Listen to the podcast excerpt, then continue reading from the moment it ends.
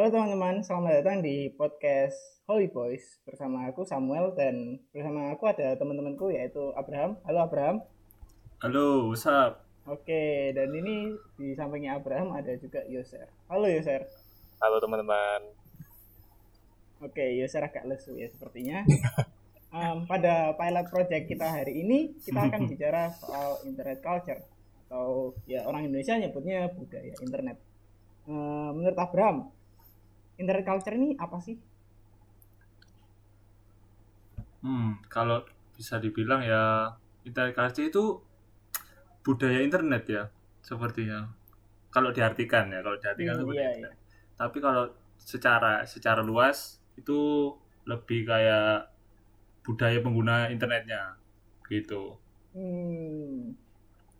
Ya, Abraham ini pada dasarnya mengartikan dari bahasa Inggris ke bahasa Indonesia aja sih. Oke, kita lanjut ke user. mungkin karena karena user mungkin sering baca soal internet culture ini. Gimana menurutmu user? Internet culture ini apa?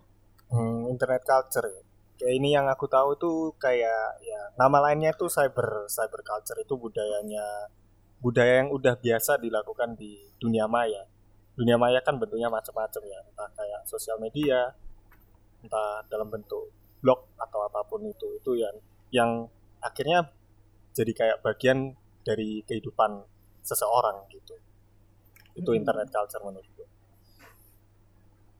Hmm, oke, internet culture. Nah, kalau internet culture menurutku itu ya benar budaya internet yang kemungkinan berkembang dari kebiasaan-kebiasaan pengguna-pengguna internet di di daerah tempat itu atau mungkin di tempat dia biasanya di internet kayak mungkin di Facebook kan ada budaya Facebook sama budaya Twitter kan beda ya. Facebook kayak lebih Oh iya benar. ya, Benar juga, atau benar chat ya, tapi kayak Ya lebih benar-benar. lebih apa ya uraan gitu mungkin ya. Anjay. kalau Twitter kan lebih tapi lebih kayak lebih berilmu gitu ya seakan-akan tapi ya ya itu memang ada budayanya masing-masing kalau Instagram kan lebih kayak estetik gitu nah tapi kalau sekarang ini kan ada budaya curcol curcol curcol curcol gitu ya ya kan tahu kan ya orang curcol di Iya, Twitter tahu. di Facebook ya dulu Eh, sama sekarang ini ada yang namanya Clubhouse kalian tahu kan Clubhouse udah punya Clubhouse semua kan ya pas Tahu tapi nggak punya. Gue Oke. bukan aku bukan pengguna iPhone sih. Jadi nggak pakai Clubhouse. Hmm, hmm, hmm. Kalau menurut kalian gimana ini eh, budaya curcol di internet sekarang ini? Ini aku dulu apa Abraham mungkin? Eh, Yoser, kalau mau dulu nggak apa? Nah, kalau di internet itu kayak contohnya dulu kalau aku sebelum ada Twitter, sebelum tahu Twitter itu kalau Facebook. Ya akhirnya kalau misalnya ya istilahnya kalau sekarang malah ngeliat kayak caper sih. Kayak ngeliat ya ampun kok kayak gini sih dulu. Waktu awal-awal waktu awal-awal punya Facebook itu ngeliat teman-teman semua semua itu kayak di apa-apa diupdate, apa-apa diupdate foto. Jadi kan kadang kalau misalnya kita nggak ngerasa bisa update tuh rasanya kayak janggal gitu. Akhirnya ya kayak random aja. Sebenarnya kayak kamu nggak stres terus kayak nulis aja ketik ah stres gitu. Itu itu dulu kayak Facebook Iya, gitu iya. kan. Terus makin geser ke sini, ada Twitter, ada Instagram. Dulu Instagram ya awalnya kayak meme-meme gitu dimasukin. Terus kan aneh. Di situ Instagram teman-temanku banyak yang kayak pakainya buat kayak foto mereka habis ke mana terus makan apa. Akhirnya berubah lagi. Instagramnya akhirnya isinya ya tentang diri sendiri gitu. Terus masuk ke Twitter yang ya ada dark side-nya juga Twitter itu. Nah, tapi ujung-ujungnya juga di situ emang emang agak beda sama yang kayak Instagram sama Facebook di situ benar-benar nguji mental banget ya karena rata-rata banyaknya orang yang kalau yang aku anggap sih banyak orang pinter-pinter sih emang kalau di Twitter itu. Ah bukan berarti maksudku Facebook sama Instagram tuh orangnya nggak pinter nggak. Mungkin mungkin kalau Facebook Tapi sama mereka Instagram lebih- itu pinternya eh, pinter dalam hal yang lain ya. Kalau kalau Twitter Iya. ini kayak filosofi filosofis banget gitu loh orang-orangnya. Gitu. Mm-mm, mm-mm. Bener bener. Tweeties Ya setuju. gitu-gitu. Kalau aku nganggapnya gitu. Kalau kalau Facebook sama Instagram ya mungkin pinter ke hal yang lain ya. Ya. Eh, Ya we don't Lebih judge. kayak ke marketing sih. mungkin mungkin Mm-mm. ya ini ini juga gitu dulu itu Instagram itu ada eh, update feature yang mungkin paling paling bagus dari mereka tuh eh, anu kalian tahu kan ya dulu dulu Instagram itu sebelum tahun 2016an itu tidak ada fitur yang namanya story Oh, ya belum tahu, belum, Belum tahu aku bahkan. oh belum lahir ya kamu Loh, kamu belum punya belum Aku soalnya gini, aku aku buat Facebook dua, tahun 2020 2019 2019 baru buat Instagram aku. Pertama kali buat Instagram. oh wow Iya. oh Iya. solid. Iya, aku memang orangnya apa ya? Gak terlalu nyaman pakai sosial media gitu. Old school, old school. Hmm. Oh iya. kok bisa bro Iya, serius. Soalnya buat MOB makanya aku baru Why? buat Instagram. Buat MOB baru buat Instagram. oh Ap- apa apa sih yang bikin kamu tidak nyaman dari Instagram? Apakah itu budayanya gitu atau Ah, budaya ya, rasanya- mungkin budaya internetnya? Iya ya budayanya kayak ilfil banget gitu loh. Kayak orang daripada enjoy the experience that they are doing right then and there malah kayak apa ya proyeksi gitu loh. Nunjukin ke orang lain bagaimana hidup mereka sangat luar biasa. Padahal kan itu hanya highlight gitu loh. Di balik layar ya mereka banyak yang mereka hadapi sebenarnya gitu. Hmm, hmm, hmm, hmm.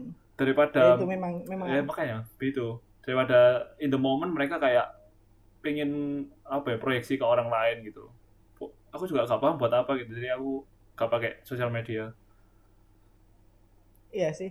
Tapi memang kadang-kadang kayak eh, insta- memang kita kita harus waspada sama sosial media kita karena kita Nah, harus benar. tahu bahwa social media is not real. Nah, Ya. apa yang apa yang ada di dalamnya Hmm. itu belum tentu beneran eh, mencerminkan orang yang ngupload itu. Bisa aja mereka upload eh, lagi foto di Bali ya. wah lagi foto itu. di pantai padahal mereka kerja di clubhouse itu Clubhouse lagi mereka kerja di beach clubnya gitu iya ya kan bisa aja jadi ya ya we need to be aware lah ya jangan Iya, jangan sampai benar. kita terlalu invest our mind ke sosial media itu sih. benar nanti internet culture-nya eh, malah menjadi buruk kepada diri kita gitu. benar lah kalau mau bahas yang curcol tadi ya yang kita tadi bahas curcol curcol Hmm. itu jadi di sosial media itu lebih kayak memberi fasilitas buat orang untuk uh, prokras daripada merefleksikan yang mereka curhati itu tadi gitu loh mereka sebenarnya sebenarnya seharusnya curhat kepada diri mereka Oh. sendiri menghadapi masalah yang mereka lalui Ka- kata-kata apa yang ingin mereka Hmm. katakan itu bisa dikatakan kepada diri sendiri buat lihat kenapa aku pengen mengatakan kata-kata ini kenapa aku pengen uh, merasa seperti ini nah itu kan mereka melakukan the work buat grow into a better person gitu kalau di sosial media itu sangat Mhm. sangat banget kita diberi tempat buat prokras gitu mengatakan hal-hal Hmm. em, hal-hal yang ingin kita ucapkan ke bahkan bukan ke orang lain cuma di post gitu aja. Kan jadi aneh. Kok kayak cuma aneh kan? Malah yang penting aneh. kayak puas.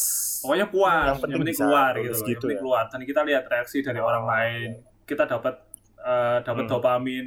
Dan kita merasa pengen melakukan lagi. Karena itu untuk kita rewarding gitu. Sebenarnya kan itu hanya ilusi. Sebagaimana kata Sam tadi kita harus tahu kalau sosial media itu bukan dunia nyata. Seperti itu. Iya iya. Oh oke kalau Yoser gimana? Soal curcolnya tapi tapi ada nggak sih yang emang orang karena mungkin dia di ya aku nggak kurang tahu ya mungkin kayak di rumahnya mungkin dia tinggal sendirian atau ya ada something else gitu yang bikin dia nggak bisa cerita sama orang lain. Akhirnya ya larinya dia ke internet itu ke sosial media.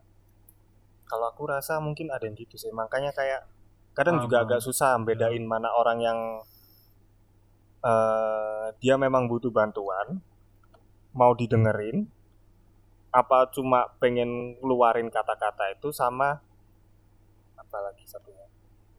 Yaitu Ya. apa kayak paham paham. Jadi kayak Hmm, kayak cuma apa? Tapi juga kayak gini gak sih? Kayak mereka daripada seek help mereka eh, lebih cari cara yang lebih mudah gitu loh dan cara nggak yang lebih mudah ini gimana? Dan gak mem- dan gak membantu diri mereka sendiri gitu maksudku. Jadi mereka itu hanya mencari eh, momentary relief. Hanya relief sementara. Tapi itu tidak akan selesai di masa depan gitu loh. Karena mereka tidak tidak pernah mengatasi itu gitu loh. Hmm, kalau aku boleh berpendapat ya, ya benar sih silakan tadi. silakan Eh, silakan. ah, aku agak aku lumayan setuju sama yang kalau kalau bilang kalau curhat ke internet itu sebenarnya mungkin cuman ya momentary relief dan menjadi prokras karena mereka tidak merenungi uh, what's inside them. Tapi mereka malah ya mengeluarkan aja tidak tidak tidak merefleksikan apa yang terjadi. Nah, aku biasanya kalau kalau ada masalah atau ada apa gitu aku curhat ke temenku atau aku ngelakuin yang namanya SCR apa itu SCR SCR itu bagaimana? Summary, conclusion, sama recommendation. Itu biasanya kalau misalnya ada itu biasanya aku buatnya weekly sih. Jadi kayak dalam satu minggu itu aku ngapain eh, conclusion dari tindakanku itu apa, terus aku merekomendasi kepada diriku apa yang harusnya aku lakukan untuk menangani tindakan itu dan untuk menjadi orang yang lebih baik ke depannya. kayak Oh, diary bagus, gitu. Iya mungkin kayak kayak diary gitu ya Sam. Kayak diary Sam. Mungkin kayak dari oh bukan ini, ini journaling sih. istilahnya. Oh journaling Mungkin- yes, tahu tahu. Mungkin bisa di Oh. kalau kalau orang Aku mungkin juga biasanya sering. diary bisa. Ah ya. Oh juga sering kayak reflection ya, reflection day to day reflection gitu juga bisa. Iya, reflection dari hari ke hari kita ngapain. Iya, aku weekly sih benernya. Kalau Iya, iya. eh, SCR ini. Weekly aku ngapain aja. Itu it really helps myself to be a better person. Karena itu enggak cuman kayak aku ngeluarin keluar aja tapi aku juga ngasih solusi apa yang harusnya kita lakukan. Right, right. tapi kadang tetap ngerasain gak sih kayak eh, habis ngelakuin itu kan itu kamu simpan Hmm. pribadi iya iya nggak sih Jan? Yes. Iya. itu kayak habis Oh itu no no, I I I share it with eh, teman-teman komselku sih. oh Eh, teman-teman Oh. komsel sing Kan- ada ya komsalnya lah anggap aja. Hmm, hmm. Kan yang dibicarakan Yoser itu mungkin yang mereka ya untuk mereka yang tidak punya lingkungan untuk eh, komsel dan lain iya. itu tadi uh, Itu yang kasihan kan Hmm. mereka yang kayak kurang dapat. Kayak kita itu kan kayak privilege juga ya kadang kalau Benar, ngomongin benar, itu in a way. kita bisa ngerasain punya circle. Kadang ada orang yang benar-benar nggak punya circle. Ya aku kurang tahu sih sebenarnya. Emang manusia ini agak rumit dia yang nggak mau punya circle atau emang dia nggak bisa apa ad- kurang ada orang yang mau membantu dia atau nggak ada yang bisa masuk untuk dia Makanya Tapi itu rasanya- eh, gimana gimana Sar? Enggak sih ini cuma itu tapi kalau kan tadi kamu pakai SCR itu toh Sam Hmm. Iya. kadang masih kerasa dah kayak misalnya tetap kalau ya mungkin ini aku agak memproyeksikan diriku ke kamu kayak Ya, kalau misalnya apa, habis nulis gitu tetap rasanya kayak pengen ngomong sesuatu yang agak kasar atau pengen ngeluarin sampah dari dari dalam gitu tetap nulis Oh, kayak anger. entah di anger Twitter gitu. atau di mana ya di sosial media yang ada gitu tetap kerasa nggak sih kadang Eh, sometimes ya, sometimes kalau kalau aku ngerasa ada sesuatu yang beneran perlu diungkapkan kayak misalnya ada trouble besar di negara atau di organisasi atau di kepanitiaan ya aku ungkapin di sosial media. Tapi kalau trouble-nya inside diriku sendiri ya aku renungi lalu aku doakan. Gitu oh sih, kayak Hmm. ya kita kita bergumul dengan dosa-dosa kita kan setiap hari. Nah, ya basically seperti itulah. Hmm, hmm. Ya berdoa mendoakan dosa. Iya, ya, ini agak melenceng ke religius ya tapi Iya. ya, seperti itu sih how how I battle my my struggles gitu lah Jadi ya sing tak maksud juga eh, lebihnya untuk orang-orang yang yang ji- jika kalian juga yang mendengarkan podcast kita, misalnya kalian ada masalah eh, yang kalian hadapi dalam eh, diri kalian masing-masing, kalian bisa cari informasi di internet untuk bagaimana kalian bisa memproses emosi itu seperti itu. Kan karena mungkin kalau kita curcol di internet, curcol dan itu kita mungkin merasa relief untuk sementara gitu ya dan kita merasa Yes. kayak nggak ada orang yang bisa di eh, untuk kita meluapkan emosi kita gitu loh dan kita kita tidak bisa menemukan konklusi dari perasaan kita gitu loh kita ini mau menyelesaikan Yes, apa memang. sih nah, kayak seperti itu kan Sam kan kayak ada masalah apa iya dalam diriku ini? memang memang Gitu. memang kalau kalau kalau masalah itu sebaiknya ya ya, ya kalau misalnya if you don't have someone to talk to ya curcol is is fine lah ya karena ya Hmm. mungkin ada orang yang care sama kamu di internet. Itu itu itu itu itu mungkin bener ya. Tapi ya. um, ya we should seek someone. Karena kita nggak mungkin bisa mengatasi masalah kita sendirian. Nah, kita perlu komunitas ya. No man is an island. Nah, itu benar. Ya, Yes, ada yes. orang nggak ada orang yang setuju yang bisa tinggal sendirian. Even even orang sing apa orang sing eh, gimana ya introvert yang sampai eh, Nah. caper-caper ke internet pun ya dia kan merasa aku ini bukan aku ini bukan pulau aku butuh bantuan makanya kan dia caper Ya. Oh, if he if he know someone Tapi kan caranya ya Sam know ya, someone yang yang mungkin uh, kurang Iya. efektif gitu loh kalau bilang kurang efektif. Cara yang kurang efektif.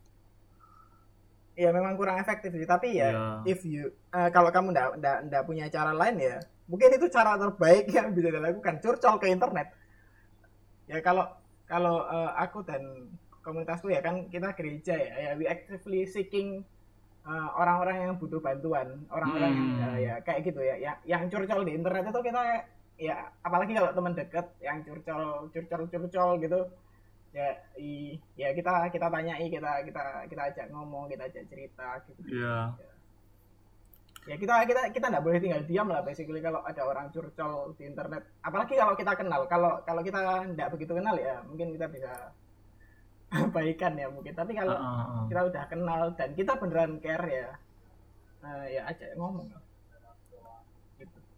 Benar, benar. Ya, untuk Eh. untuk komunitas ini yang aku setuju, aku aku setuju untuk komunitas ini. Kan makanya di Instagram sendiri juga untuk orang yang suka curcol dan lain-lain kan ada komunitasnya seperti eh, komunitas-komunitas eh, psikologi itu kan banyak yang buka tempat di mana kalian bisa curhat masalah kalian di situ. Bahkan ada yang Hmm, gratis, iya. bahkan ada yang gratis, ada yang gratis bahkan. mulai banyak sih sekarang. Terutama Ya, kalau kan lah, begitu banyak pandemi benar-benar. ini juga. Orang nggak ketemu Hmm, orang. Bah, tambah susah ya kan kalau mau keluar-keluar kan Iya. eh, kalau kalau di Iya. situ kalian kalian bisa bisa curcol kalian bisa curcol di dalam komunitas yang bisa membantu kalian kayak gitu maksudku mungkin bisa membantu cari benar. cari jalan keluar walaupun eh, kamu susah buat eh, bicara ke orang lain kan kalau secara online gini kan kamu nggak perlu lihat orangnya langsung gitu. Kamu nggak nggak nggak perlu seberapa kenal juga. Pokoknya orang ini tuh bener-bener di situ tujuannya ada buat bantu kamu kayak gitu loh. Komunitasnya untuk itu. Iya.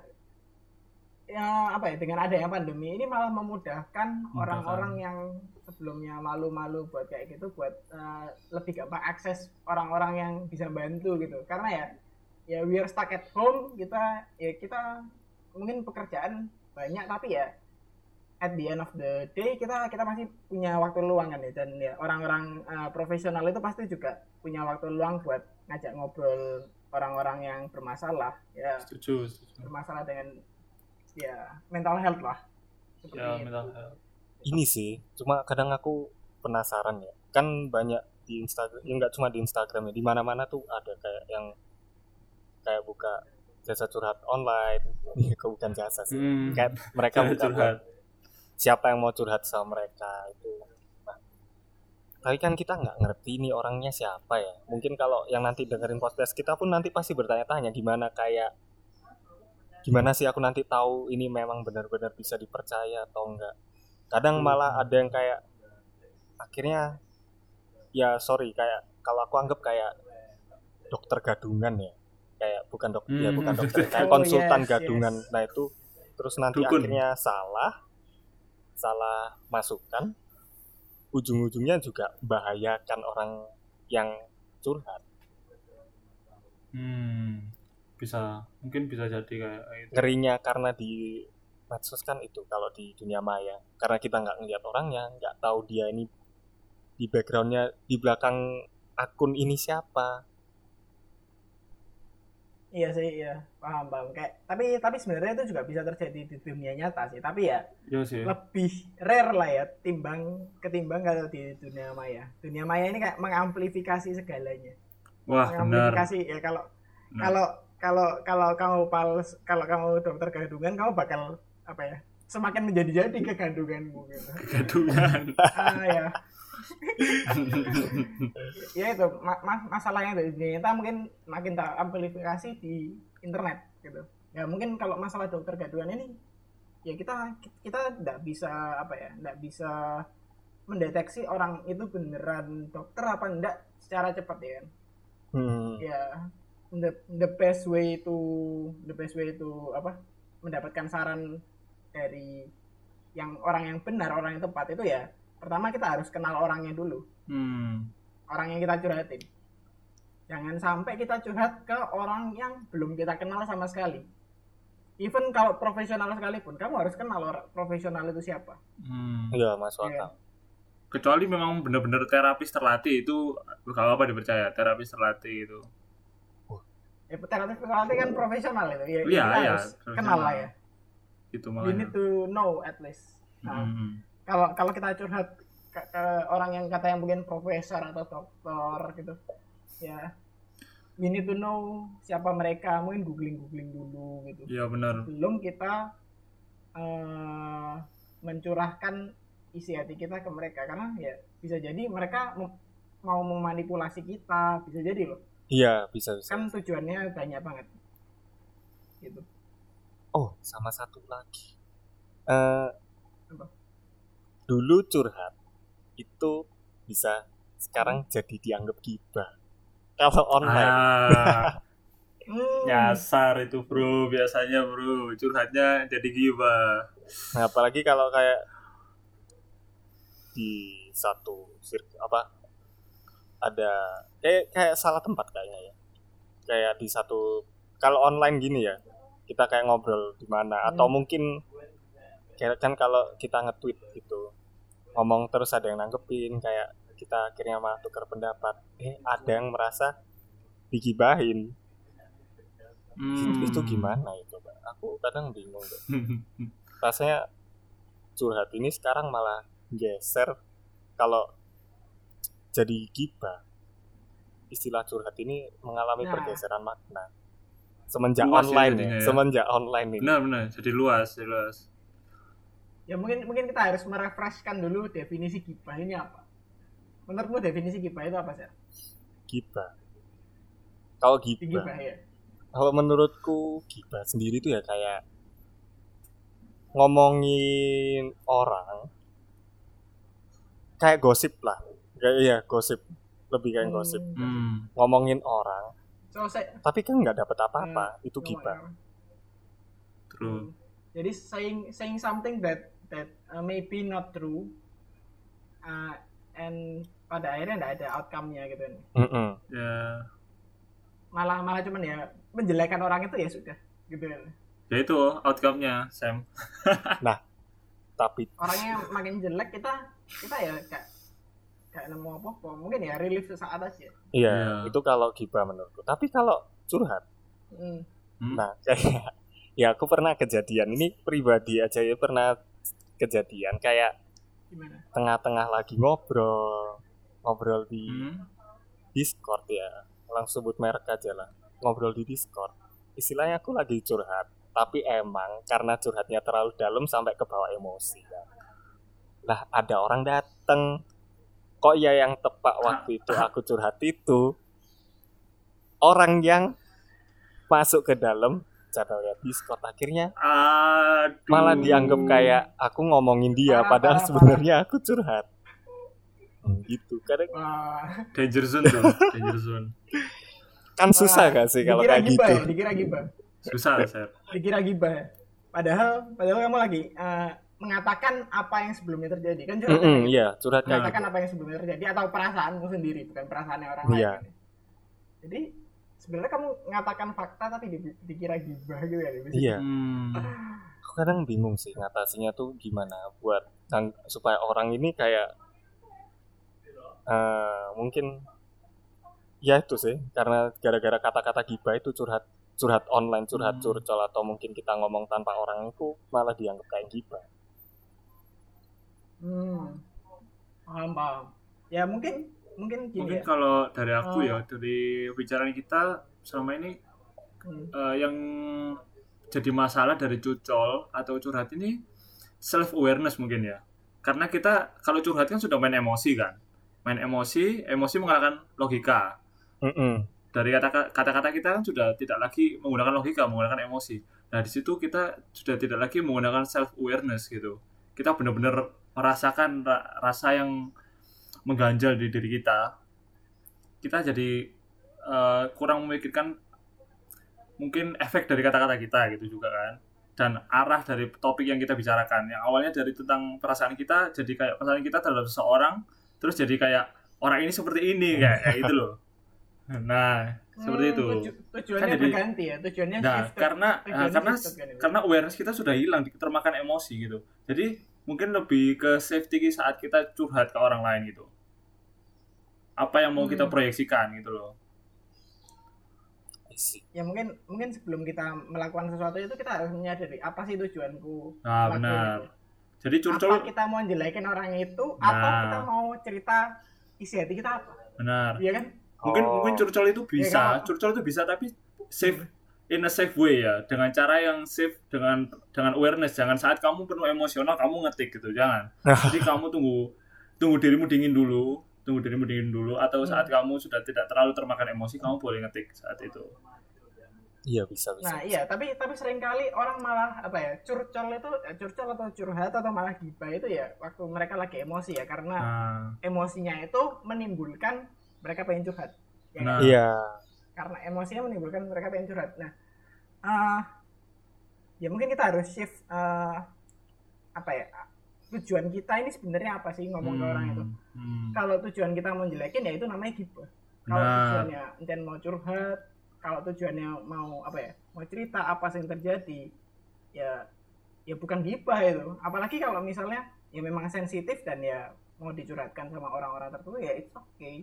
Tapi Benar, kalau misalnya orang yang dicurhatin orang yang apa ya di kat ya di apa ya yang di dikatakan dalam cerita curhat itu datang ya he should not be mad dia dia, dia harus kena marah.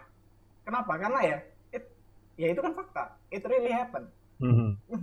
ya Oh, benar-benar. orang itu Karena seharusnya apa ya jangan sensitif kayak Ah, jangan merasa terserang ya. Kalau kalau malah yang lebih bagus itu dia malah merasa apa ya terkritik habis itu me- ingin mengubah dirinya. Refleksi, Jadi ya, refleksi. habis dikritik merefleksikan iya jangan malah merasa terserang habis itu defensif habis itu debat habis itu marah-marahan akhirnya gibah-gibahan deh Benar-benar itu kan Apa? jadi kayak Itu kembali ke kembali ke awareness lagi kan. Kayak awareness itu bisa dilatih. Awareness itu seperti otot. Jadi dan awareness itu juga seperti habit. Saat kita menjadikan awareness itu habit dan kita dilanda sesuatu, maka habit itu akan eh, tertrigger dan kita akan lebih sadar saat kita emosional. Mungkin seperti itu ya. Kalau Ah. kita sudah bisa melatih Hmm. dengan baik, bisa melatih dengan baik itu. Remnya lebih anu berarti ya, lebih kuat. Anggapannya gitu kan. Iya, jadi kita bisa lebih kuat saat, saat ada benar emosionalnya saat meningkat kita bisa lebih kuat dan kita sadar di saat itu seperti itu ya mungkin. bisa Yes, bisa yes. ya gitu sih Eh, ya mungkin yang yang harus kita lihat dalam internet culture yang sekarang ini kan curcol masih ya digunakan sangat sembarangan internet culture Benar. Indonesia apalagi. curcol ini masih bukan digunakan masih masih belum dewasa lah ya mungkin karena kita nerima internet ini ya mungkin baru early 2000s ya sementara Ya. kalau Hmm. ya negara-negara berkembang lainnya kayak Ero di, di negara-negara di Eropa di Amerika Utara itu mereka udah nerima internet itu sejak early 90s ya. Mhm. Hmm. Ya, mungkin karena karena internet culture-nya masih belum dewasa, jadi ya kita curhat ini masih sembarangan. Ya, ya, ya kesembarangan ini ya mungkin bisa dimanfaatkan sama beberapa pihak ya, dari kayak dokter gadungan, psikolog gadungan, Oh, iya. Hmm. eh, apa ya, terapis gadungan ya, yang bisa memanfaatkan kita buat hal-hal buruk dengan tujuan. Dan ini ini juga apa namanya guru filsafat gadungan banyak sekarang bro. Guru Wah. filsafat gadungan bro. Quotes quotesnya, apa? Itu bahaya bro. tips and Orang trick. orang yang yang lagi lost dari cara hidup bisa tambah nyasar gara-gara orang seperti itu bro. Iya, karena kadang-kadang ya quotes-nya itu ya cuman sembarangan ya. Anyone can create a quote, can create a quote, tapi tidak semuanya bisa me- membuat quote yang beneran bermakna. Hmm, Hmm, that's nah. power of mind. Semua orang bisa nyebut A bagus, B bagus, tapi belum tentu apa, eh, apa yang mereka katakan itu benar. Kayaknya itu tergantung suasana hati orang yang baca juga nggak sih? Kalau menurutku gitu. Gimana ini gimana? Kadang kayak kita baca tulisannya, kayak di online gitu. Ada tiba-tiba nih kita ngeliat teman-teman kita tuh ada yang kayak curhat mungkin di posisinya dia yang habis curhat, yang lagi curhat yang habis ngetik itu entah bikin quotes atau kayak curhat dia curcol gitu atau entah bikin quotes dan tulisan lain sebagainya itu. Itu mungkin dia lagi antara lagi seneng sedih atau lagi marah kan nggak tahu. Kita ngelihatnya kayak ini apaan sih? Atau kayak Mm-mm. kadang kayak oh anak ini lagi lagi seneng kah? Atau mungkin malah banyaknya nganggep kayak caper benar benar. Mungkin kayak gitu sih kayaknya. Kalau yang menurutku ya. Ya itu. Perlu pengendalian emosi dulu sebelum kita mengungkapkan Ah. sesuatu di hadapan umum ya sosial media. True. Ya that's why I feel that kalau kalau kita masih belum cukup dewasa dengan internet culture-nya kita sendiri ya ya don't use the social media too often ah. kita bakal Hmm. menjadi apa ya? Kita akan menjadi terpengaruh sama sosial media di Indonesia yang menurutku masih cukup childish sekarang ini Mm-mm. iya iya setuju setuju, atau. Kalau- kalau perlu ya kamu membatasi sosial mediamu ya ke orang-orang yang kamu kenal aja atau orang-orang yang mentor-mentor kayak mentor apa ya filsafat yang benar, apa, Mm-mm. agama yang benar, gitu-gitu. Hmm. karena Jadi ya, ya mencari orang benar. benar benar karena juga eh, apa seperti proverb ini apa namanya eh enggak seperti kata-kata ini one man's bread another man's poison. Jadi kayak cara hidupmu bisa jadi racun untuk orang lain. Karena satu orang tidak seperti yang lain seperti itu. Ah bener bener bener setuju setuju. Setuju aku. Jadi untuk orang-orang yang orang-orang yang menggurui di sosial media itu itu memang cara hidupmu. Kamu bahagia dengan itu jangan jangan melihat orang lain dengan cara hidup lain berarti orang itu salah atau membuang hidup mereka. Enggak mereka mencari cara bahagia mereka masing-masing gitu loh kan seperti itu sebenarnya Iya benar sih. Oke, mungkin mungkin kita bisa ngasih kata-kata penutup mungkin. Abraham gimana? Buat internet culture di Indonesia sekarang ini. Eh, mungkin dari aku use social media if you feel you're old enough use less internet read more books om Oke, quotes bahasa Inggris terbata-bata dari Abraham tadi. Oke, Kalau Yosar, bagaimana? kalau dari aku sih mungkin kayak ini yang masih aku praktekin juga sih sampai sekarang kadang kalau emang masih belum bisa Iya. kontrol emosi atau masih bingung harus Iya. ke mana mungkin jangan kalau aku kan karena main Twitter ya kadang aku cu- curcolnya lewat Twitter gitu. Tulis sesuatunya lewat Twitter. Emosinya ya di Twitter. Mungkin bisa kayak ini sih caraku kayak kita nulis kan ada line notes line notes. Kalau emang nggak mau nulis di buku bisa tulislah di line notes itu. Kayak kau mangkel. Kan nanti yang akhirnya kamu baca kamu ngeluapkan di tempat itu sendiri. Kamu kayak ngeliat terus akhirnya pikir Mm-mm. kadang ada kayak rasa aku emosi banget kok bisa ya sampai nulis kayak gini? Akhirnya emosi itu lama-lama kayak meredam terus kita kayak baca lagi ulang tulisan kita begitu mulai tenang.